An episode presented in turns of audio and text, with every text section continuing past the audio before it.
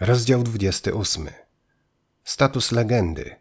Publikacja fikcyjnej biografii 1923. Cudowne zmartwychwstanie Jesse'ego Livermora, jego powrót na Wall Street i zgromadzenie nowej fortuny w wysokości 8 milionów dolarów zapewniło mu status legendy. W 1915 roku był bankrutem bez grosza przy duszy, a siedem lat później jedną z największych grubych ryb trzęsących rynkiem, osobą podziwianą przez innych traderów.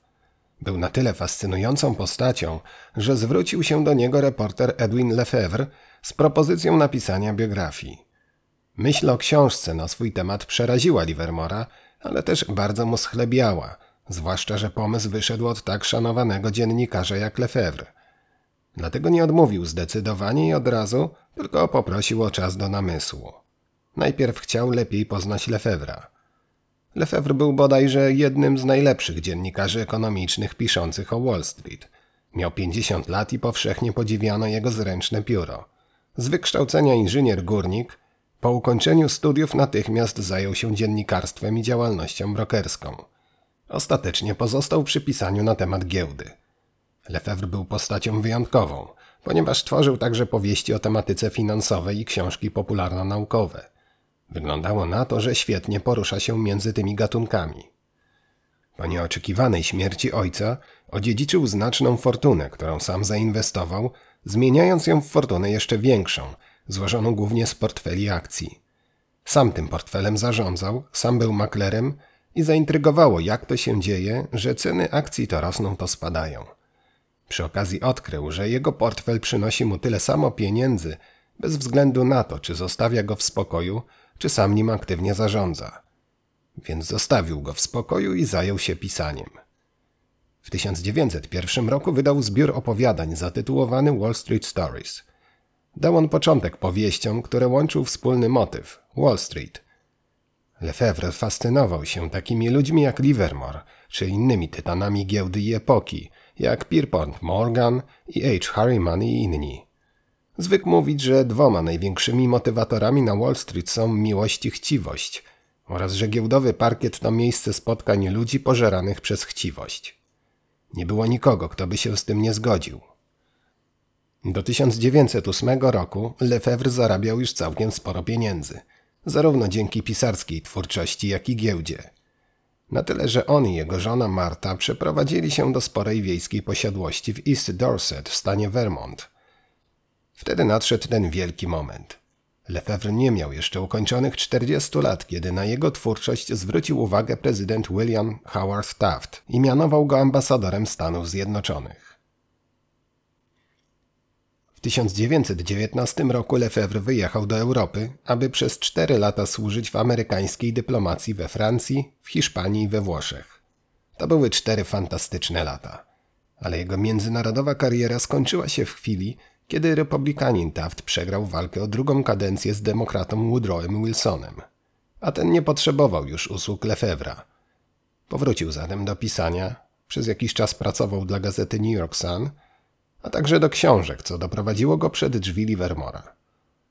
Kilka miesięcy później Livermore odrzucił pomysł stworzenia klasycznej biografii, argumentując to tym, że chyba nie może ujawniać szczegółów działalności czy nazwisk przewijających się w niej osób ale zaproponował coś innego. Napisanie fikcyjnej biografii, w której wszystkie nazwiska włącznie z jego własnym zostałyby zmienione, ale w której mógłby opowiedzieć historię najbliższą prawdy, w dodatku własnymi słowami. Lefebvre zaintrygował ten pomysł, ale nie miał przekonania, czy to się sprawdzi. Dlatego najpierw zasugerował współpracę przy serii artykułów do magazynu, napisanych wedle pomysłu Livermora. Miały być publikowane w Saturday Evening Post – i pojawiać się w 1922 roku. Złożony z 12 części cykl odniósł olbrzymi sukces. Była to napisana w pierwszej osobie opowieść działającego na Wall Street tradera o nazwisku Larry Livingstone, za którym krył się oczywiście Jesse Livermore. Niewiele osób wiedziało wówczas, że w rzeczywistości jest to historia Livermora. Teksty stały się kanwą późniejszej powieści – Lefebvre i Livermore rozpoczęli współpracę nad publikacją, która przybrała postać książki wspomnienia gracza giełdowego. Lefebvre bez problemu znalazł wydawcę. Był przyjacielem George'a Dorana, założyciela nowojorskiego wydawnictwa George H. Doran Company, bodajże jednego z najlepszych w kraju. Firma powstała w Toronto w 1908 roku, po kilku latach przeniosła się do Nowego Jorku, a właściciel szybko przekształcił ją w największe wydawnictwo w Stanach. Doran specjalizował się w brytyjskich autorach. Opublikował pracę P.G. Woldhouse'a, Artura Conan Doyle'a, Somerseta Mogama i Virginia Woolf. Jego wydawnictwo było także pierwszym adresem, pod jaki przychodzili amerykańscy ambasadorzy, myślący o wydaniu pamiętników. Stąd właśnie znajomość z Lefebvrem. Gdy ten przedstawił pomysł, Doran wystraszył się możliwych implikacji prawnych i nalegał na osobiste spotkanie z Livermorem. Ale spotkanie rozwiało wszystkie obiekcje. Livermore chętnie zgodził się na przekazanie praw autorskich do książki i natychmiast podpisał odpowiednie dokumenty. Udzielił też pisemnej zgody na publikację i przysiągł pełne poparcie dla projektu. Mimo to Doran zupełnie prywatnie nie wiązał większych nadziei z książką, którą opisał jako ekscentryczną. Ale był wystarczająco inteligentny, żeby wiedzieć, że jego biznes bywa nieprzewidywalny. Książka wspomnienia gracza giełdowego ukazała się 25 maja 1923 roku. Co zaskakujące, nie wywołała wówczas większego zainteresowania i nie od razu została uznana za klasykę gatunku, za jaką uchodzi obecnie. Być może dlatego, że ludzie wątpili w jej autentyczność i założyli, że Lefebvre, oficjalny autor powieści, po prostu wszystko wymyślił. W żadnej poważnej gazecie nie ukazała się ani jedna recenzja. Livermora zabolało zwłaszcza to, że publikację całkowicie zignorował jego ukochany New York Times. Najwyraźniej właściciel gazety, Adolf Oaks, również uwierzył, że opisana w niej historia jest zmyślona i nakazał swoim ludziom trzymać się od niej z daleka. Pierwsze wydanie, dość zgrzebne, bez obwoluty, ukazało się w nakładzie tysiąca egzemplarzy. Okładkę wykonano z nieciekawego, beżowo-żółtego płótna, bo akurat takie drukarnia miała pod ręką. Licząca 299 stron pozycja kosztowała w księgarniach 2,5 dolara. W notce informacyjnej napisano, że nie jest to zwykły sfabularyzowany pamiętnik, ale najbardziej wnikliwy komentarz na temat giełdowych spekulacji, jaki kiedykolwiek powstał. Obowiązkowa lektura dla profesjonalistów oraz wszystkich lekkomyślnych amatorów, którym wydaje się, że mogą stanąć w szranki z zawodowcami. Książka składała się z dwunastu wcześniejszych artykułów, podzielonych na 24 rozdziały, ale pod względem stylistycznym stanowiła miszmasz. Niektóre epizody były wiernym i arcyciekawym opisem działalności Livermora na Wall Street, inne nudną charakterystyką technik rynkowych i zbiorem osobistych opinii. Ostatnie sześć rozdziałów na przykład w ogóle nie odnosiło się do Livermora. Były to wcześniejsze artykuły Lefebvre na temat manipulowania akcjami, zaadaptowane do potrzeb książki. Narrator wypowiadający się w pierwszej osobie, pomijając oczywiście ostatnie rozdziały, mówi głosem Livermora – nieco tylko zamaskowanym przez Lefebvre. Jeśli chodzi o jakość, to różnice między poszczególnymi rozdziałami są uderzające, ale najwyraźniej nikomu to nie przeszkadzało i pierwsze tysiąc egzemplarzy rozeszło się jak świeże bułeczki. Czytelników uwiodła szczerość narratora, który bez zahamowań podawał przykłady własnej niekompetencji, niewłaściwego sądu czy zadanych własną ręką niepowodzeń. Pomimo krytyki, Doran pospieszył z drugim wydaniem i tym razem nie żałował pieniędzy, aby książka prezentowała się okazale. Zmieniono okładkę na miłą dla oka zieleń i wydrukowano dwa tysiące egzemplarzy. Znalazły się pieniądze i na obwolutę, także zieloną z czarnymi literami. Opasująca książkę banderola informowała, że jest to pokazana od środka historia rynku giełdowego oraz człowieka, który wynalazł sprawdzający się system. W notce na obwolucie można też było przeczytać, że Livermore, a raczej Livingstone, to największy spekulant giełdowy w tym stuleciu. Wydawca dodawał jeszcze, że to pierwszy takiej skali gracz giełdowy, który zdecydował się opowiedzieć o tajemnicach swojego sukcesu i porażkach innych. Opisywał też, w jaki sposób Livermore potrafił nakreślić wyraźną granicę między hazardem a inteligentnie zaplanowaną spekulacją. Drugie wydanie rozeszło się równie szybko – Zaplanowano zatem trzecie, tym razem w nakładzie czterech tysięcy egzemplarzy.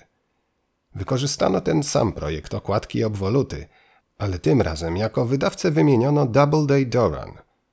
Doran często współpracował z Doubleday, aż w 1927 roku firmy połączyły się, stając się największym wydawcą książek anglojęzycznych.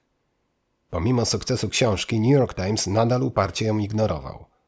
To jednak nie zmieniło faktu, że do tej pory uchodzi ona za jedną z najciekawszych pozycji na temat Wall Street, jakie napisano do tej pory.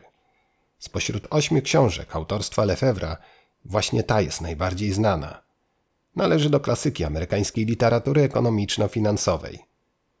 Wspomnienia zostały okrzyknięte sensacją i odniosły wielki sukces, co skłoniło Edwina Lefebvre do rozpoczęcia współpracy przy podobnej, opowiedzianej w zbliżony sposób fabularyzowanej biografii innej postaci z Wall Street.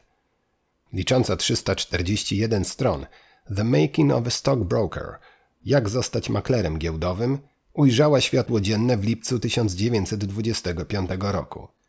Tytułowy makler nazywał się John Wing i powszechnie uważano, że pod tym pseudonimem kryje się emerytowany makler John Prentice. Wydawcą również była firma George H. Doran Company. Biografia spotkała się z dobrym przyjęciem, ale nie uzyskała statusu bestsellera porównywalnego ze wspomnieniami. Gazeta New York Times, która wreszcie zrozumiała, że ignorowanie wspomnień było błędem, tym razem zamieściła całostronicową recenzję. To jednak niewiele pomogło. Książka The Making of a Stockbroker nadal sprzedawała się słabo. Wciąż rywalizowała ze wspomnieniami. W 1930 i 1931 roku Doran opublikował bowiem kolejne wydania, chcąc wykorzystać popularność Livermora po krachu w 1929 roku. Nawet po wyczerpaniu kolejnych nakładów książka nie traciła na popularności. W 1938 roku licencję kupiła firma Sundial Press Incorporated, która sięgnęła po eleganckie wydanie w twardej oprawie. W 1947 roku ponownie zrobiła to Doubleday Company – od tamtej pory wspomnienia są regularnie wznawiane, a prawa autorskie przeszły w międzyczasie na syna Livermora Paula. To jedyna książka Lefebvre'a, która przetrwała do naszych czasów, po 90 latach od debiutu i wciąż sięgają po nią nowe pokolenia maklerów giełdowych. Nikt nie wie, ile wydań się ukazało, ale sprzedano co najmniej pół miliona egzemplarzy.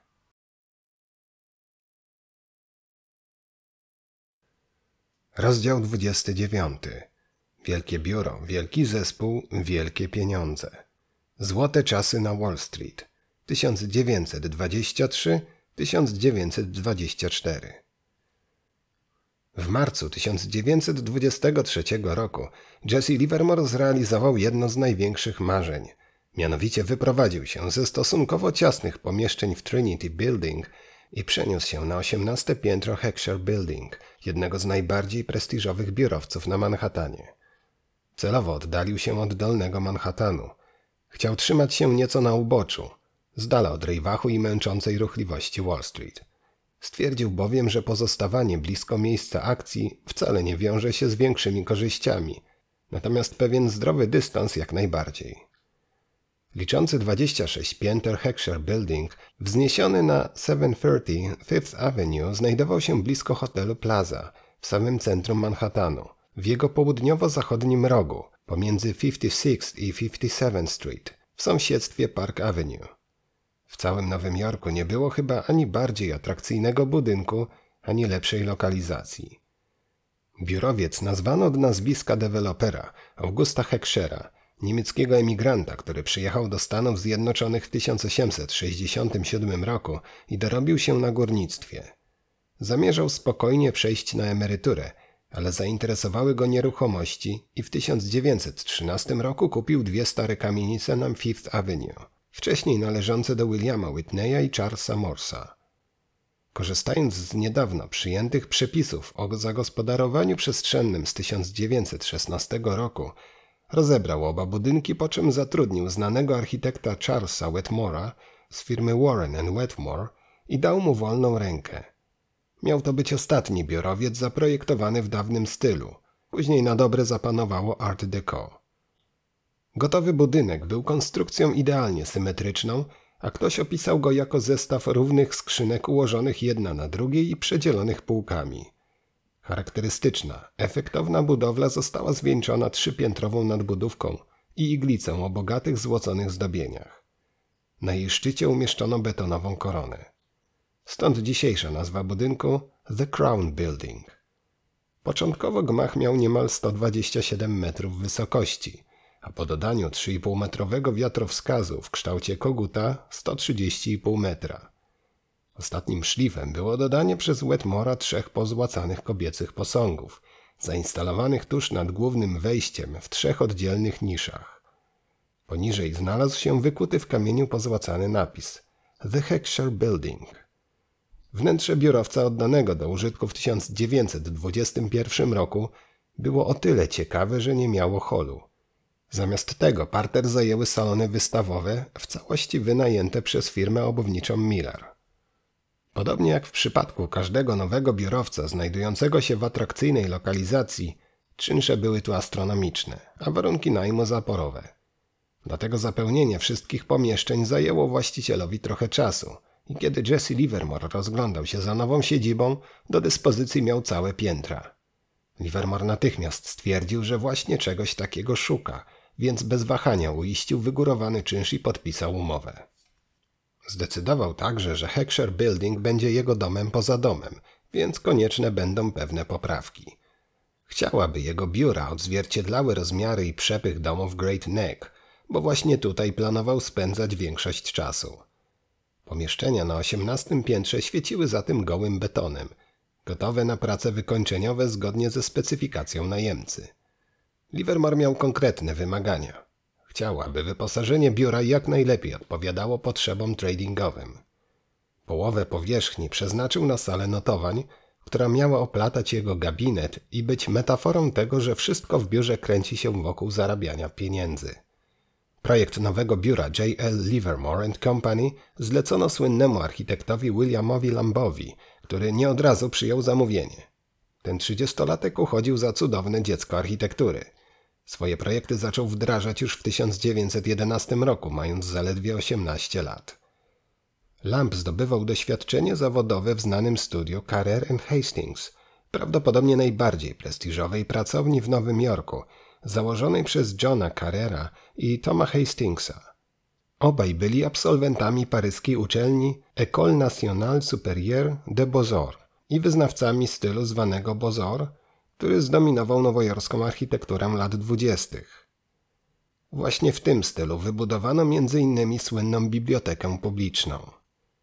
William Lamb mógł się pochwalić również paryskim dyplomem, więc kiedy wrócił do Nowego Jorku, mógł przebierać w ofertach. Wybrał karierę Hastings, głównie ze względu na paryskie koneksje i obietnicę szybkiej kariery zawodowej zakończonej awansem na partnera. Wkrótce po jego pojawieniu się w firmie, John Carrer zginął w wypadku samochodowym i najwyraźniej to Lamp miał zająć jego miejsce. Tak też się stało w 1920 roku. Kiedy zatem na emeryturę odszedł Tom Hastings, na czele studia stanęli Lamp i dwaj pozostali partnerzy – Rich Shreve i Teddy Blake, którzy zmienili nazwę pracowni na Shreve Lamp Blake. Livermore robił wszystko, aby oczarować Lamba, bo ten powiedział najpierw, że zlecenie jest zbyt małe. Ale Livermore nalegał. Powiedział, że chce stworzyć najwspanialsze biuro, jakie kiedykolwiek istniało w Nowym Jorku. Jeśli Lambowi uda się zaprojektować salę tradingową, to na pewno zaowocuje to podobnymi zleceniami od największych nowojorskich banków. William Lamb musiał się w końcu poddać i skapitulować przed ofensywą takiej siły perswazji. Zgodził się i zabrał do pracy bo chociaż początkowo nie chciał zlecenia zaakceptować, to było ono jednym z tych, które lubił najbardziej. Mógł bowiem w pełni wykorzystać swoją kreatywność i w dodatku nie liczyć się z kosztami. Zwłaszcza, że już na samym początku Livermore powiedział mu, że najpierw ma wyposażyć piętro, a budżetem zajmą się później. Lamp podszedł do zadania poważnie. Pod koniec 1922 roku Siedział nad projektem do późnej nocy, chcąc jak najlepiej spełnić postawione mu wymagania. Kolejnym krokiem było przygotowanie makiety z gliny i papier maché, czegoś, czego nigdy nie robił w przypadku projektu wnętrza. Za przygotowanie projektu Livermore zgodził się zapłacić oszałamiającą kwotę 200 tysięcy dolarów. Tyle zazwyczaj płacono za projekt całego budynku. Jedynym wymogiem z jego strony było zainstalowanie najnowocześniejszego w tamtym czasie systemu bezpieczeństwa. Wyposażenie kosztowało w sumie 500 tysięcy dolarów, co wówczas było najwyższą kwotą wydaną w Nowym Jorku na tego rodzaju pracę. Do swojego gabinetu Livermore kupił oryginalne dębowe panele, wcześniej zdobiące ściany angielskiej posiadłości i kazał w kawałkach sprowadzić je do Nowego Jorku. Widząc gotowy model, Livermore wpadł w zachwyt i zaakceptował go w niemal niezmienionej postaci. Projekt zakładał pokrycie ścian drewnianą boazerią, a całych podłóg zgodnie z najnowszą modą dywanami. Była to taka nowość, że mało kto wybierał to rozwiązanie do swoich biur. Kolejne nowum stanowiły drzwi, sięgające od podłogi do sufitu. Kiedy propozycję zaakceptowano, zespół Lamba zabrał się do pracy. Po pięciu miesiącach można się było wprowadzać. Biuro ukończono na początku 1923 roku. Do siedziby firmy wchodziło się przez niewielką, pozbawioną okien poczekalnię, w której królował asystent Livermora Harry Dutch, sprawnie kierujący ruchem. Następnie korytarzem przechodziło się do gabinetów prywatnych, w tym do biura Livermora ulokowanego we wschodniej części piętra oraz do sali transakcyjnej zajmującej niemal całą powierzchnię wzdłuż zachodniego skrzydła. Na drzwiach wejściowych budynku próżno było szukać tabliczki z nazwą firmy J.L. Livermore, a gdyby jakiś przypadkowy przechodzień zapytał o nią konsjerża, to usłyszałby, że takiej tu nie ma. Do środka miały wstęp jedynie osoby z listy i tylko one mogły przejść do windy i wjechać na górę. Tam gości witał Harry Dutch, który miał dostęp do szafki z kluczami znajdującej się w holu. Sala transakcyjna była jak na owe czasy prawdziwym hołdem oddanym nowoczesności, z rzędami tickerów zasilanych bezpośrednimi liniami telegraficznymi połączonymi z głównymi światowymi giełdami kapitałowymi i towarowymi. Były tu także bezpośrednie linie telefoniczne do około 20 maklerów, z których Livermore korzystał w takim samym stopniu jak z depesz informacyjnych. Cała infrastruktura komunikacyjna kosztowała Livermora ponad 35 tysięcy dolarów, ale była najlepsza i najnowocześniejsza na świecie. W sumie na 18 piętrze działało 80 linii telefonicznych, 60 bezpośrednich telegrafów oraz ponad 40 tickerów. Po środku sali transakcyjnej stał ogromny stół konferencyjny, przy którym Livermore mógł prowadzić spotkania, a jednocześnie śledzić to, co działo się na rynkach. Jego firma zatrudniała około 60 osób, z czego mniej więcej 20 było najlepszymi absolwentami czołowych amerykańskich uczelni. Wszystkich ściągnęła tu obietnica pracy ramię w ramię z wielkim Jessim Livermorem. Jedną trzecią personelu stanowili statystycy, a resztę personel pomocniczy, w tym sekretarki i sekretarze, kasjerzy i tablicowi. Funkcję dyrektora generalnego, który nadzorował bieżącą pracę biura, powierzono Walterowi McNerneyowi. To właśnie sala transakcyjna stanowiła centrum działalności Livermora, a jego biurko, ustawione na samym środku, było źródłem kakofonii dzwonków i innych dźwięków, na które składały się wydawane przez niego zlecenia kupna i sprzedaży. W gazecie New York Times Livermora opisywano jako człowieka szybkiego i nerwowego, który łatwo wpadał w podniecenie w czasie pięciu godzin handlu na giełdzie, czyli między 10 a 15. Nowi pracownicy byli zaskoczeni jego stylem pracy, a przede wszystkim jej intensywnością. Niewielu z nich mogło się pochwalić wcześniejszym doświadczeniem, dlatego większość nie była przyzwyczajona do tak szaleńczego tempa i jego umiejętności natychmiastowego zapamiętywania wszystkich informacji i cen. Po jednej stronie wisiały wielkie tablice, na których sześciu chłopców zapisywało najnowsze notowania cen akcji spółek z indeksu Dow Jones oraz większość towarów i surowców. Tablicowi nosili słuchawki łączące ich bezpośrednio z parkietem nowojorskiej giełdy. Kiedy usłyszeli najnowsze notowania, mogli je od razu zapisywać na tablicy, nie czekając na ticker, który w najlepszym razie podawał ceny z 15-minutowym opóźnieniem. Tablice notowań zaprojektował sam Livermore i w niczym nie przypominały one tych, które można było spotkać gdzie indziej. Otóż na samej górze znajdowały się wszystkie spółki z indeksu Dow Jones oraz te, którymi Livermore był zainteresowany. Pod każdą nazwą przez całą wysokość tablicy biegła kolumna, w której zapisywano wszystkie dzienne zmiany cen. Na tablicę skierowano wszystkie źródła światła, i sztucznego, i naturalnego. Livermore'owi bardzo się takie rozwiązanie podobało. Wszystkie tickery zostały przymocowane do wysokich cokołów. Livermore, kiedy handlował, wolał robić to na stojąco. Lubił też, kiedy w czasie pracy jego i jego asystentów na sali panowała cisza, przerywana jedynie klikaniem tickerów. W najlepszych czasach przeprowadzano tu setki tysięcy transakcji dziennie. W celach bezpieczeństwa żaden z pracowników nie mógł opuszczać biura w godzinach pracy giełdy. Zabronione były także prywatne rozmowy telefoniczne. Livermore oczekiwał od swoich pracowników pełnego zaangażowania i nie życzył sobie, aby coś ich rozpraszało. Wszystkie 60 osób łączył wspólny cel zarabianie pieniędzy na handlu akcjami i towarami.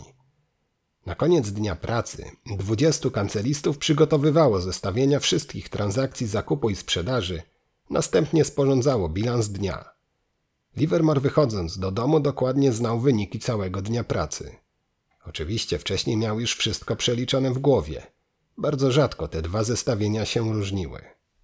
Sala transakcyjna sąsiadowała z prywatnym biurem Livermora oraz oficjalną salą konferencyjną, całą wyłożoną mahoniową boazerią, z wyjątkiem jednej szklanej ściany wychodzącej na salę notowań. Były tu także szklane przesuwne drzwi, prowadzące do gabinetu z wielkim mahoniowym biurkiem. To wnętrze zdecydowanie różniło się od chaotycznej sali transakcyjnej. Na placie znajdowały się jedynie trzy telefony, blok papieru oraz dwie tacki na korespondencję wychodzącą i przychodzącą, której zawartością zajmowała się asystentka Livermora. Gości z zewnątrz zapraszano rzadko, a ci, którym udało się tutaj trafić, rekrutowali się spośród ścisłego grona dawnych znajomych Livermora, takich jak Tommy Lawson, który zawsze tutaj zaglądał, kiedy przyjeżdżał z Bostonu – Lawson, obecnie po sześćdziesiątce, już dawno pogodził się z Livermorem po ich rozstaniu w 1917 roku. Od czasu do czasu wpadali tutaj Bernard Baruch i Frank Bliss, z którymi Livermore współpracował przy co ciekawszych transakcjach giełdowych.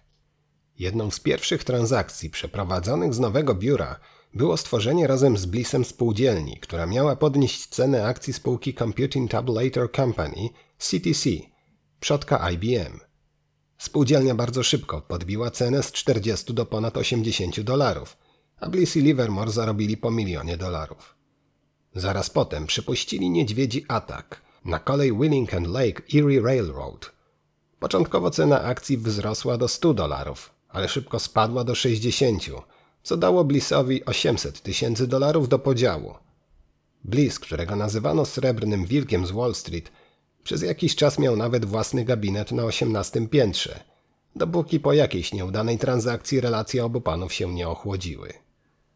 Do biura udało się kiedyś dostać reporterom magazynu Time, którzy opisali je w taki oto sposób. Drzwi, na których trudno szukać jakiejś nazwy, pilnował szpetny zbir, chowający klucze w małej zielonej szafce. Harry Dutch, nazwany przez Time szpetnym zbirem, w rzeczywistości był niezwykle inteligentnym człowiekiem. Ten potomek irlandzkich imigrantów był weteranem amerykańskiej marynarki handlowej. Znał sześć języków, w tym łacinę, i czytał wszystko, co wpadło mu w ręce.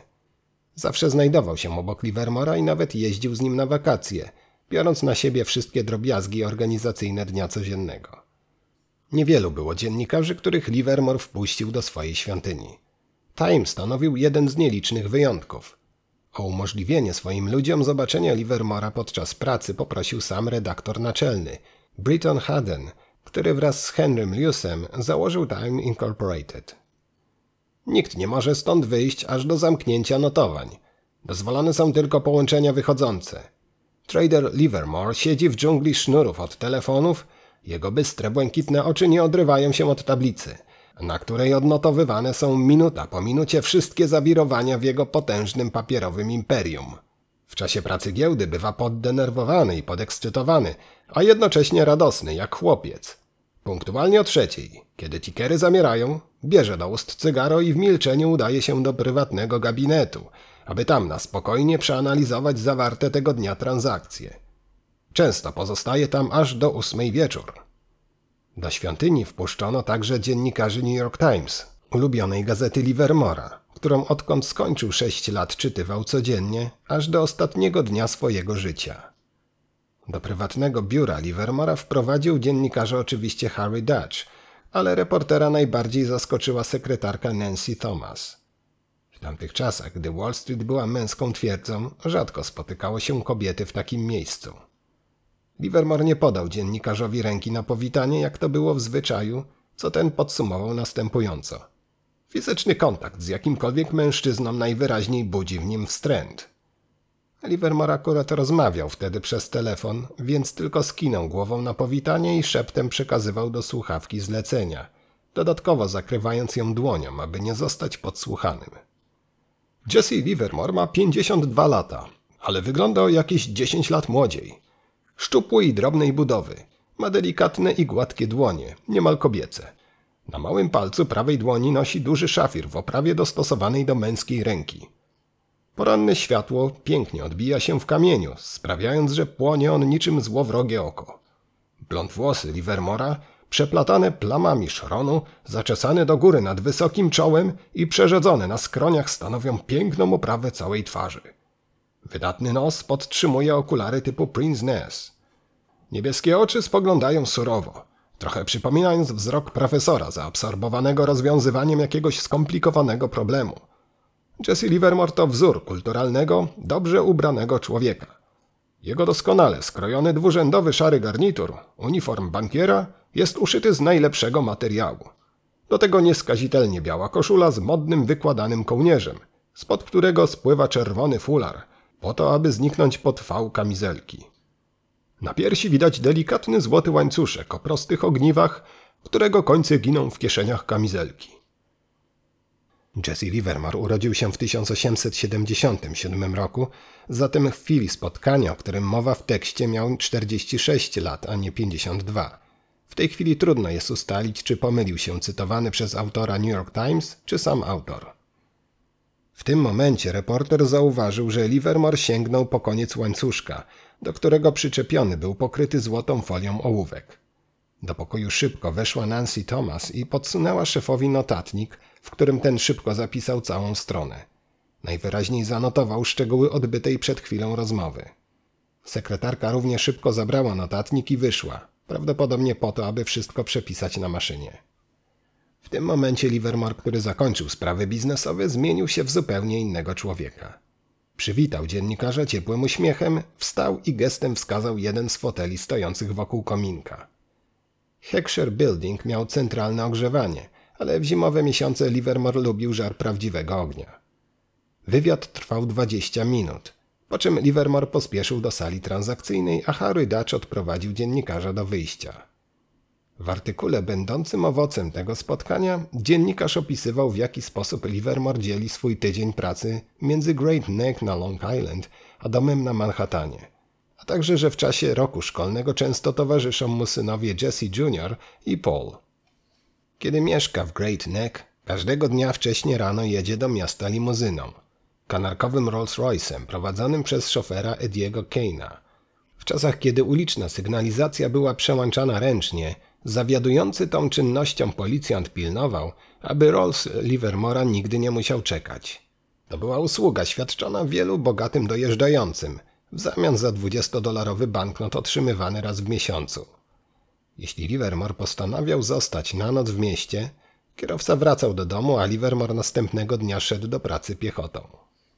Milczeniem pominięto w artykule fakt, że zawsze między siódmą a dziewiątą wieczór Livermore odwiedzał jedną z trzech lub czterech kochanek, które ulokował w niewielkich mieszkaniach rozsianych na całym Manhattanie.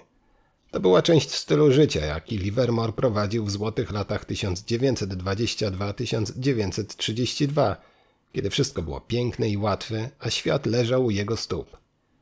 Livermore miał swoje powody, aby podtrzymywać dobre relacje z New York Times. To właśnie tam publikował regularne prognozy dotyczące rynku giełdowego, a dziennik traktował je z szacunkiem godnym biblijnych przypowieści. Teraz, wspomagany przez armię statystyków i analityków, którzy pracowali dla niego w Heckscher Building, mógł poprzeć swoje intuicyjne prognozy twardymi danymi.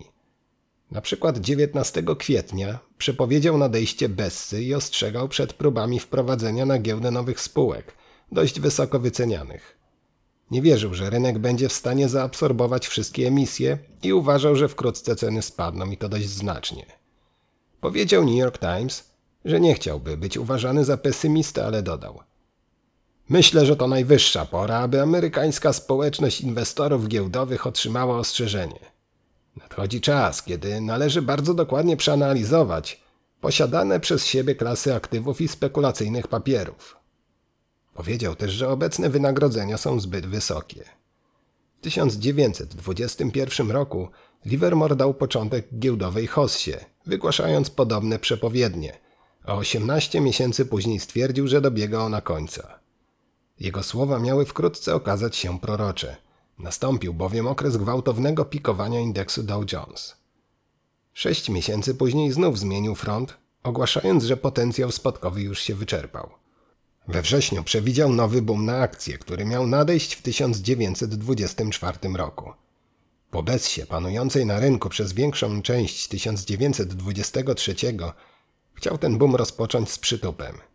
30 października Livermore zamieścił w New York Times oświadczenie, które natychmiast zaktywizowało rynek. Powiedział w nim, że przyszłość rynku daje nadzieję i że duże amerykańskie korporacje po głębokich spadkach ostatnich sześciu miesięcy są obecnie niedoszacowane. Spadkach, które, jak podkreślił, też przewidział. Moim zdaniem w ciągu ostatnich sześciu miesięcy akcje straciły na wartości w dużej mierze przez proces adaptacyjny, zachodzący w wielu sektorach gospodarki. Jestem przekonany, że z tego samego powodu przyszłość przyniesie sowite zyski każdemu, kto będzie swobodnie kupował po dominujących cenach akcje spółek, które są dobrze zarządzane, ale nie nadmiernie dokapitalizowane. Pisał. Livermore twierdził także, że biorąc pod uwagę sprzedaż płodów rolnych po rekordowo wysokich cenach, utrzymujących się od czasu zakończenia wojny, dłuższa recesja wydaje się mało prawdopodobna. Nie szukam na siłę nadmiernych wzrostów i nie wierzę, aby chciał tego ktokolwiek inny, ale dopóki farmerzy będą otrzymywać za swoje towary wysokie ceny, a dobrze wykorzystywani robotnicy wysokie wynagrodzenia, to trudno spodziewać się nadejścia złych czasów. Livermore zauważył, że jedynym towarem, którego ceny nie rosną jest pszenica, głównie ze względu na duży areał obsianych pól będących pozostałością lat wojennych i boomu eksportowego. Nieco przydługie oświadczenie Livermora, którego duża część została napisana przez nowo zatrudnionych analityków i statystyków, wywołało na rynku jednodniową mini-hossę. Tego dnia z rąk do rąk przeszło 1,4 miliona akcji, co stanowiło najwyższy wolumen od 9 miesięcy. Ostateczny dowód na to, że faktycznie stał się częścią finansowego i giełdowego establishmentu, Livermore otrzymał 20 listopada. Było nim uroczyste, wydane na jego cześć przyjęcie, w czasie którego wygłosił krótki odczyt. Livermore czuł się niezwykle zaszczycony zaproszeniem i kazał swoim ludziom przygotować naprawdę niezapomnianą mowę. Efektem był wykład naszpikowany danymi statystycznymi i listą powodów, dla których amerykańska gospodarka wkroczyła na długą drogę nieprzerwanego wzrostu. Jak się można było spodziewać, zapoczątkowało to trwającą pięć lat hossę, która miała potrwać do października 1929 roku.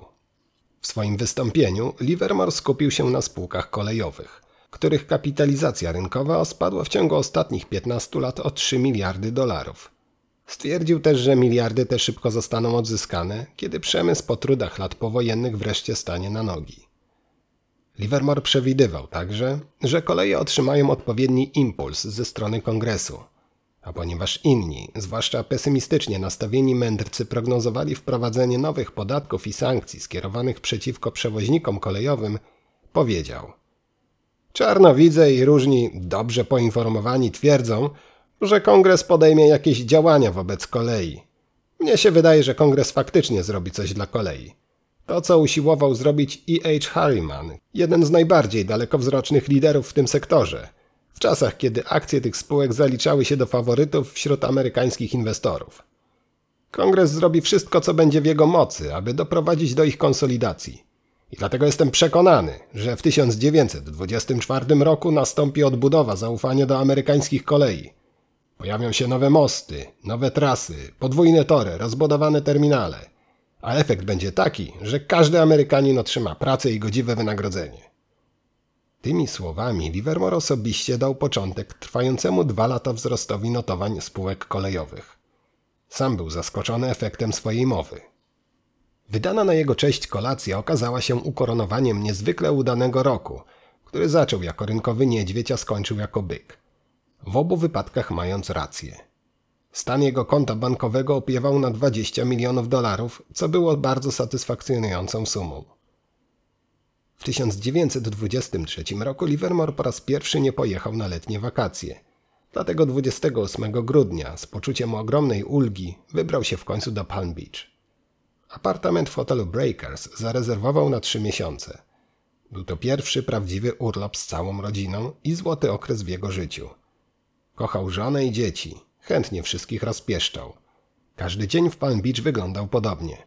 Rano ryby, wieczorem kasyno. W przeszłości zawsze rygorystycznie podchodził do kwestii regularnego urlopu, bo napięcie nerwowe, nierozerwalnie związane z grom na giełdzie, okazywało się na dłuższą metę wyczerpujące. To, że przez 12 miesięcy pracował bez najmniejszej przerwy, było więc czymś niezwykłym. Ale teraz znajdował się w innym miejscu. Kierował własną firmą i nie musiał polegać wyłącznie na własnych umiejętnościach. Kiedy był poza Nowym Jorkiem, w Palm Beach lub za granicą, biznesu pilnowali pracownicy, a 20 traderów samodzielnie podejmowało decyzje inwestycyjne, oczywiście w ramach wyznaczonych limitów. Tym razem, korzystając z nowego statusu, zabrał ze sobą operatora telegrafu, a w hotelowym apartamencie kazał zainstalować terminal. Dzięki temu przed udaniem się na spoczynek mógł analizować transakcje przeprowadzone przez swoich protegowanych. Jak przyznał dziennikarzowi New York Times, to było idealne życie. Życie, którym lubił żyć. Kontynuował je po powrocie do Nowego Jorku, co nastąpiło pod koniec lutego 1924 roku. Jego prognozy co do giełdowego boomu okazały się słuszne i chciał go dobrze wykorzystać. Zespół również radził sobie znakomicie. Traderzy zarabiali dla niego pieniądze i to też go bardzo cieszyło. Uwierał go jedynie brak zewnętrznych zleceń dotyczących wprowadzania akcji na giełdę albo przeprowadzania jakiejś manipulacji. Zdawał sobie sprawę, że powodem mógł być status celebryty i proroka, więc choć niechętnie dał sobie spokój z publicznym przepowiadaniem przyszłości. Było także chwilowe rozczarowanie, kiedy rynek na krótko zanurkował, po tym jak śledztwo w sprawie Teapot Dome przeniosło się do Waszyngtonu. Rozpoczęło się publiczne pranie wszystkich brudów, co podkopało zaufanie do giełdy. Na szczęście nie trwało to długo. Livermore wrócił także na rynek towarowy, szczególnie pszenicy, gdzie ceny utrzymywały się na historycznych minimach. W marcu zainkasował spore zyski dzięki pozycjom zajętym przed wyjazdem na wakacje – które zwiększył w czasie pobytu w Palm Beach. Latem 1924 roku przeprowadził kilka większych działań na rynku towarów rolnych, stosując swój system punktów zwrotnych. Chciał w ten sposób sprawdzić, jak wyglądałaby idealna transakcja, gdyby przestrzegał własnych zasad. Uważnie monitorował ceny pszenicy, które ucierpiały na skutek długotrwałego nasycenia rynku. Zagrał, kiedy cena osiągnęła jeden z takich kluczowych poziomów – Zamówił wtedy 5 milionów buszli. Wolumeny na tym rynku były tak duże, a nadwyżki tak potężne, że 5 milionów nawet rynku nie musnęło. Cena powoli wędrowała wyżej, a kiedy doszło do kolejnego kluczowego oporu, Livermore kupił następne 5 milionów po cenie o 1,5 centa wyższej od ceny pierwszego zakupu. Kupno tej drugiej partii było już trudniejsze, ale Livermore wiedział, że ma rację. Na razie wszystko układało się dobrze. Następnego dnia cena wzrosła o 3 centy.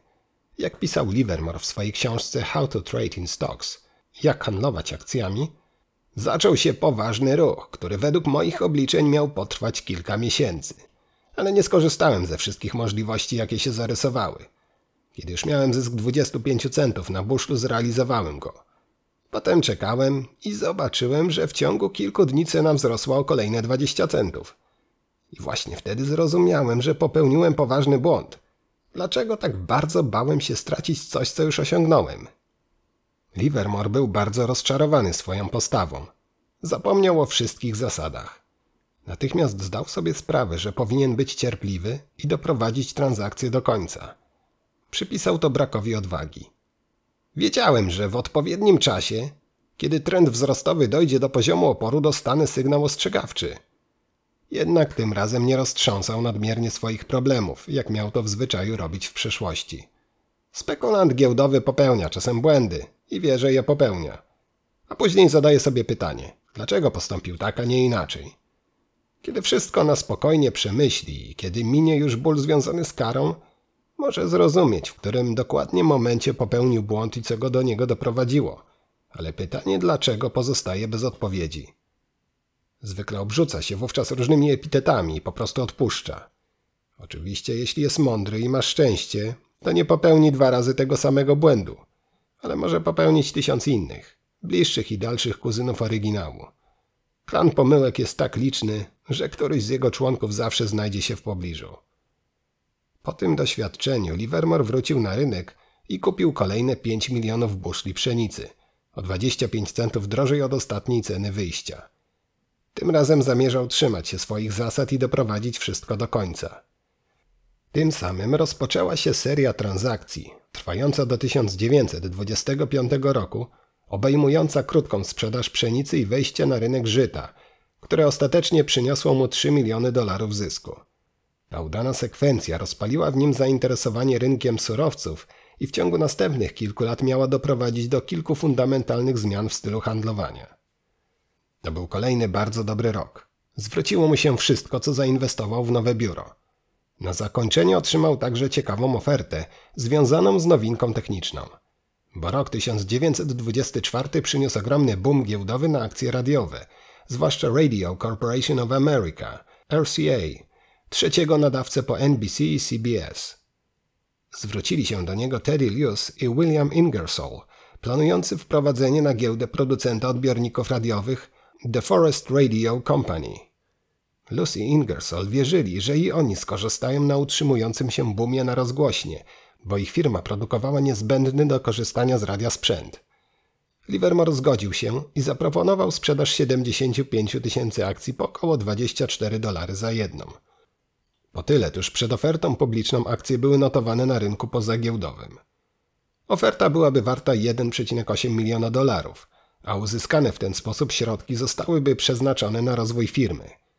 Jednocześnie akcje obecnych akcjonariuszy nie zostałyby rozwodnione. Emisja miała potężną nadsubskrypcję, a zapisy zakończyły się w ciągu kilku minut od ogłoszenia oferty.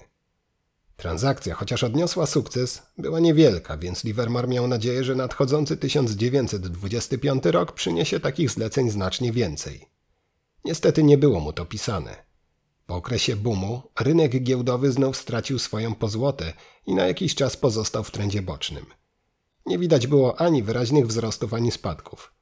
Właśnie takiego rynku Jesse Livermore nie znosił. Nie potrafił zarabiać na nim pieniędzy. Tym razem bardzo mu zależało, aby ruch w górę nie został w żaden sposób zakłócony, jak stało się to w 1909 roku. Na płytkim rynku, kiedy ceny nie mają żadnego wyraźnego kierunku, tylko poruszają się w wąskim korytarzu, przewidywanie kolejnego dużego zwrotu w dół lub w górę nie ma sensu. Jedyne co można zrobić to obserwować, czytać taśmy i określać limity tych prowadzących donikąd zmian. A potem podjąć decyzję, że na jakiś czas przestajemy się tym rynkiem interesować, aż do momentu, kiedy cena przebije ważny opór lub wsparcie. Spekulant musi się troszczyć o zarabianie pieniędzy. Nie może nalegać, aby taśma koniecznie się z nim zgadzała. Pamiętajcie, nigdy nie kłóćcie się z rynkiem. Nie proście go o podanie powodów lub wyjaśnień. Podsumowania napisane po fakcie nie przynoszą zysków. Chęć zarabiania pieniędzy przeniosła go zatem na rynek surowców. Co do akcji, to stwierdził, że dla niego są na razie martwe.